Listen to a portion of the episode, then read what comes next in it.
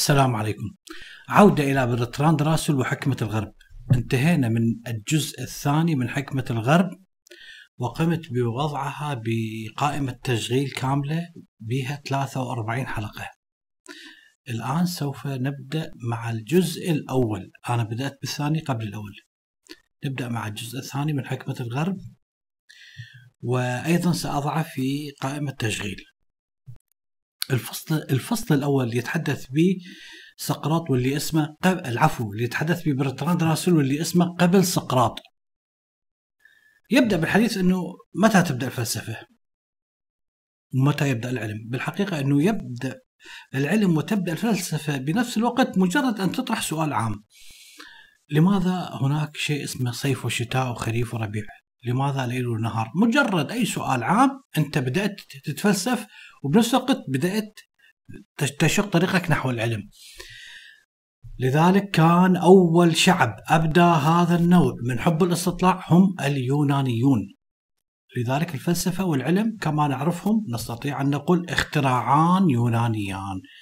والواقع أن ظهور الحضارة اليونانية هذه الحضارة التي أنتجت هذا النشاط العقلي العظيم إنما هو واحد من أروع أحداث التاريخ على الإطلاق وهو حدث لم يظهر له نظير لا قبله ولا بعده لأنه في فترة زمنية جدا قصيرة تقريبا قرنين فاضت هذه العبقرية اليونانية العظيمة في الفن والأدب والفلسفة بسيل عارم اجتاح العالم بأكمله. من الروائع الأدبية اللي أصبحت منذ ذلك الحين مقياس عام علما للحضارة الأوروبية. لذلك الفلسفة والعلم يبدأان مع الفيلسوف طاليس الملطي في أوائل القرن السادس قبل الميلاد. لكن قبل أن نبدأ مع طاليس لابد أن هناك بدايات سبقته. كيف سارت الأحداث قبل طاليس؟ حتى أصبحت مهيئة آه، أثينا إلى تلك العبقرية اليونانية. يقول برتراند راسل سنحاول بقدر استطاعتنا أن, نهد أن نجيب عن هذه الأسئلة أن نهتدي إلى إجابة عن هذه الأسئلة وسوف نستعين بعلم الآثار هذا العلم الذي خطى خطوات عملاقة جدا كبيرة في في جميع صوره من أجل لم شتات هذه الصورة.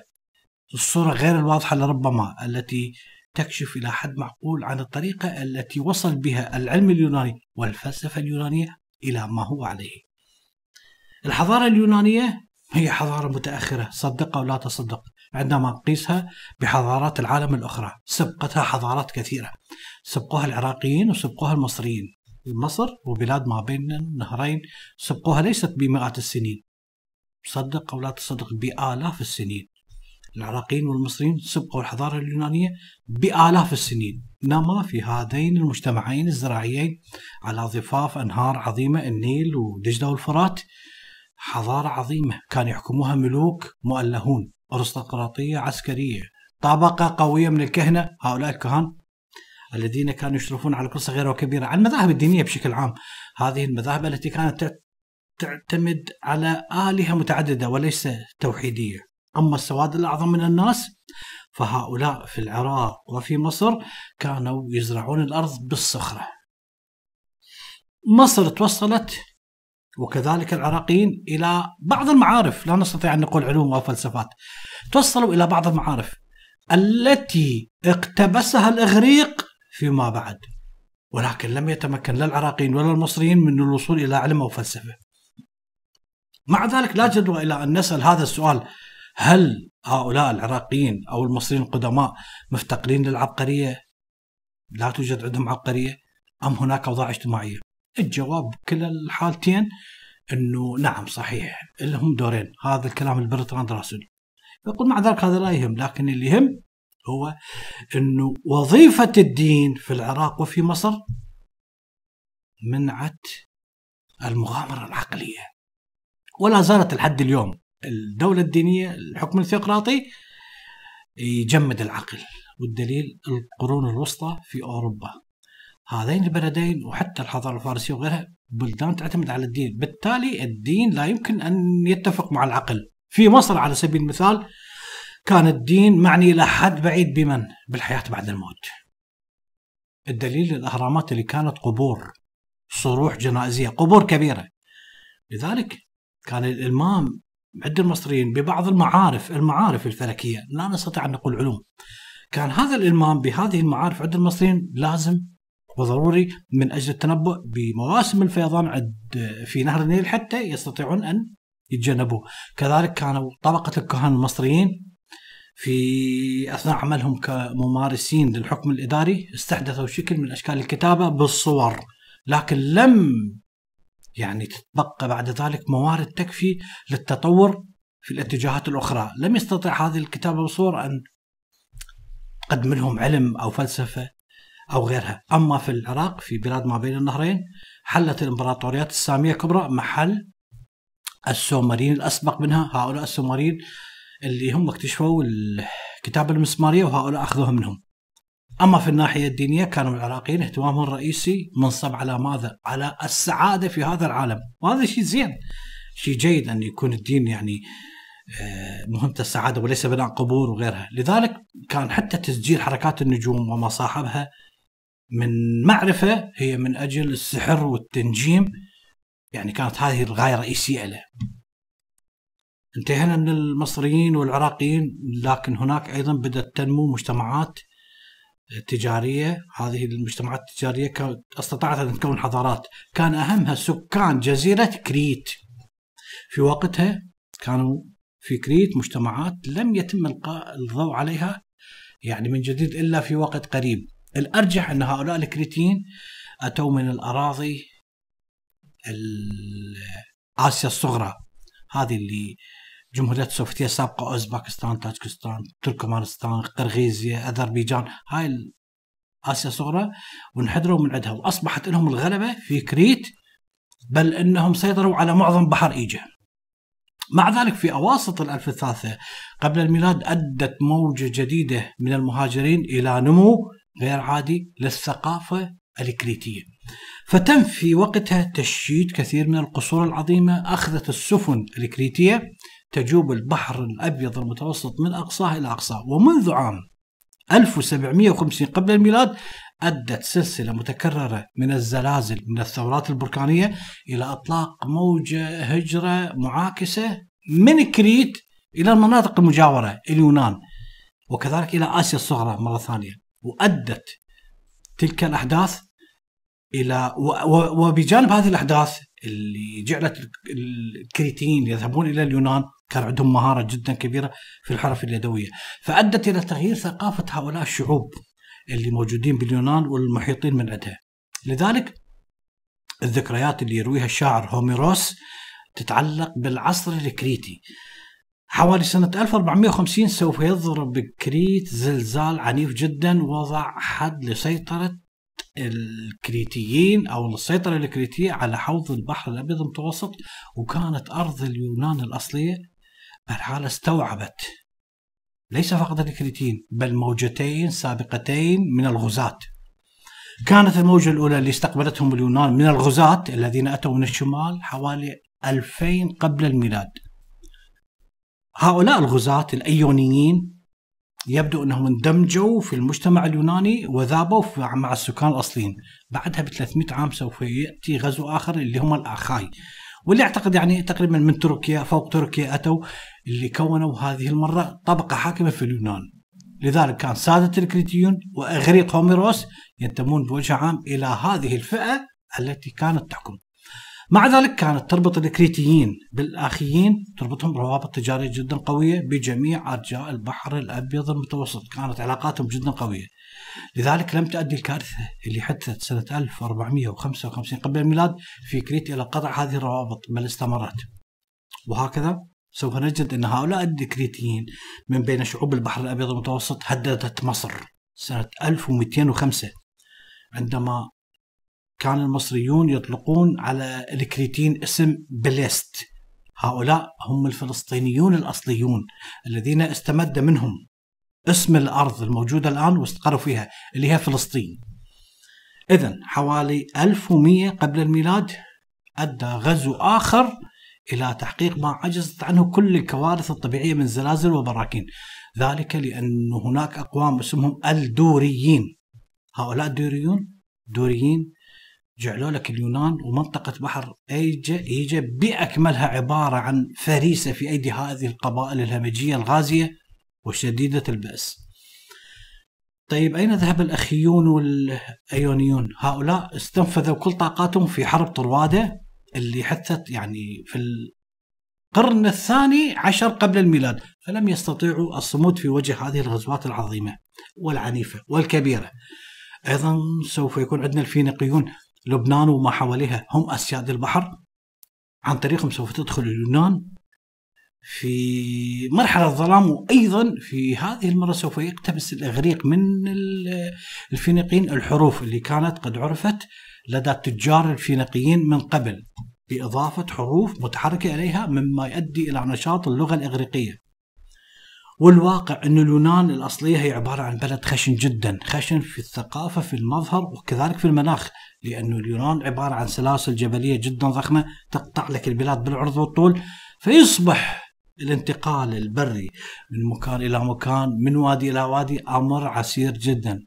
ومن ثم سوف تنمى في السهول الخصبة مجتمعات محلية منفصلة. وعندما كانت تحدث قحط مجاعات عندما تعجز الأرض عن إعاشة الجميع ما الذي سوف يفعله السكان؟ البعض منهم كان يشد عصا الرحال ويذهب عبر البحر من أجل أن ينشئ مستوطنات. هكذا سوف تتناثر المدن اليونانية على طول البحر الأبيض المتوسط على جميع السواحل. تبدي لك من صقلية تنتهي لك جنوب إيطاليا لحد البحر الأسود. منذ أواسط القرن الثامن وحتى القرن السادس قبل الميلاد إلى أن نصل إلى طاليس إذا مع نشوء هذه المستوطنات سوف تزدهر التجارة وسوف يعود اليونانيون إلى الاتصال بالشرق. طيب ماذا عن الناحية السياسية؟ من الناحية السياسية مرت اليونانيين بعد غزو الدوريين. هؤلاء القبائل الهمجية بسلسلة من التغييرات كان أولها سيادة النظام الملكي لأول مرة. ثم انتقل بعد ذلك تدريجيا إلى أيدي الأرستقراطية. ثم انتقل عقبتها بعد الأرستقراطية فترة من حكم الملوك غير الوارثين بمعنى الطغاة. في النهاية انتقل الحكم إلى الحكم السياسي إلى المواطنين، هذا هو اللي نستطيع أن نطلق عليه بالمعنى الحرفي للكلمه لفظ الديمقراطية. ومنذ ذلك الوقت إلى حد اليوم يتناوب حكم الطغاة مع الديمقراطية في كل مكان بالعالم. لذلك كان في استطاعة الديمقراطية المباشرة أن تظل قائمة ما دام بإمكان المواطنين الموجودين في المدن الإيطالية أن يذهبون إلى أي ساحة عامة سوق ساحة سوق ويعبرون عن آرائهم. هذا النوع من الديمقراطية لم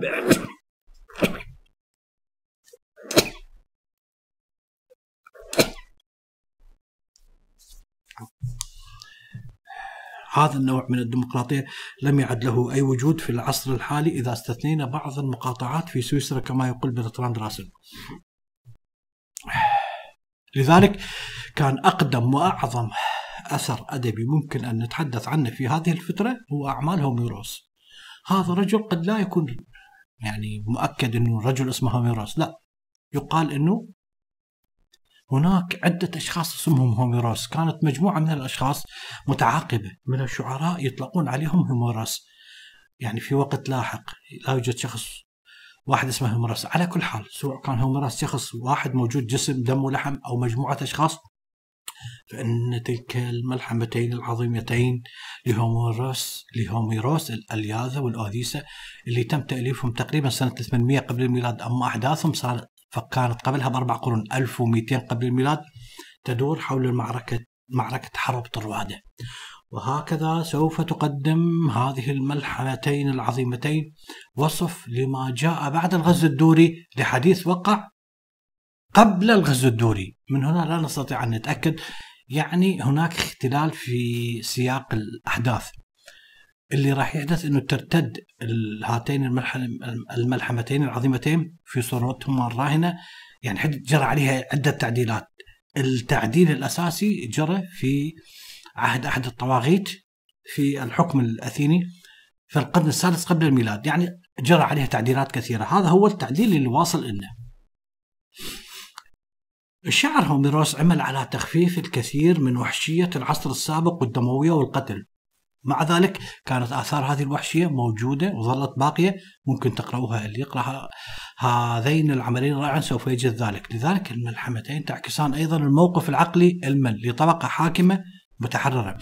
في وقتها كانت الجثث تحرق لا أحد يقوم بدفنها كما أيضا نعرف أنه كان يحدث في عصور الحضارة الكريتية كذلك أمر من هذا القبيل. أما مجمع آلهة الأولمب وهو عبارة أو جبل الأولمب عبارة عن أناس أو عبارة عن سادة الذين يعيشون حياة خشنة قاسية.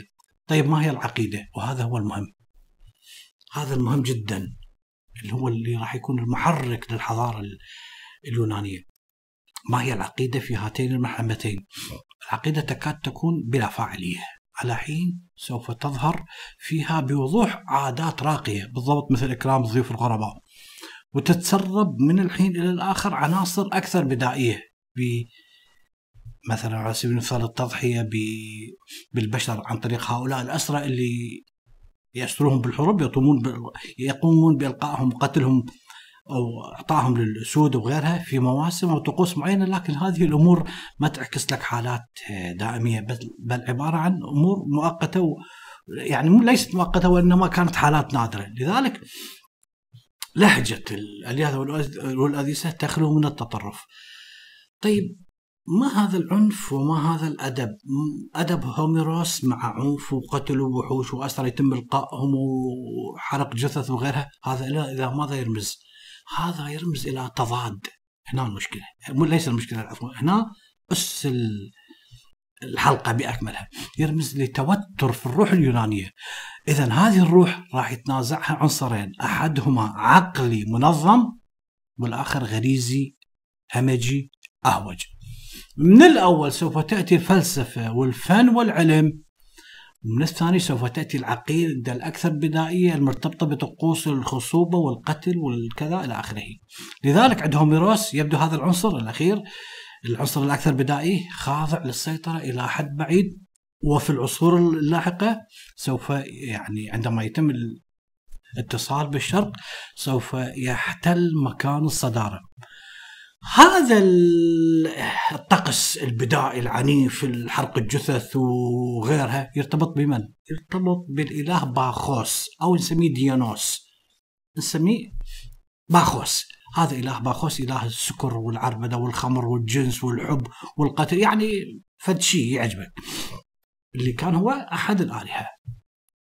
مع ذلك هذا الضرب من الوحشية والسكر والعربدة سوف واللي كان عند الاتباع يعني يصل إلى مرحلة التقديس سوف يخضع هذا أتباع الإله باخوس المتوحشين وكذا إلى تهذيب إلى تخفيف من تلك الغلواء اللي كانت تعتري من قبل شخصية أيضا أسطورية اللي هو الإله أورفيوس.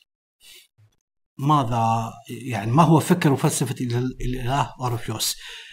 يقال طبعا إنه جماعة من أتباع باخوس السكارى قد مزقوا هذا الإله اربا اربا. ما هي التعاليم الأورفية؟ التعاليم الأورفية تدعو إلى الزهد، تدعو إلى تأكيد النشوة العقلية.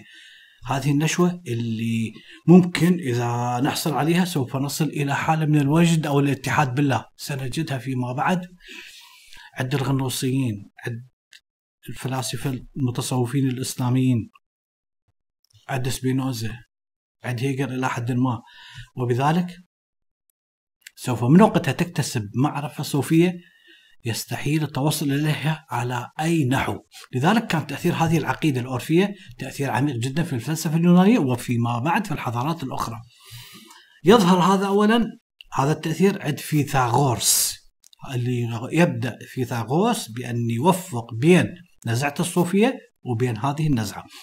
ومن هذا المصدر الأول سوف تجد عناصر من هذا المذهب اللي نسميه طريقها إلى أفلاطون والجانب الأكبر من الفلسفة اليونانية.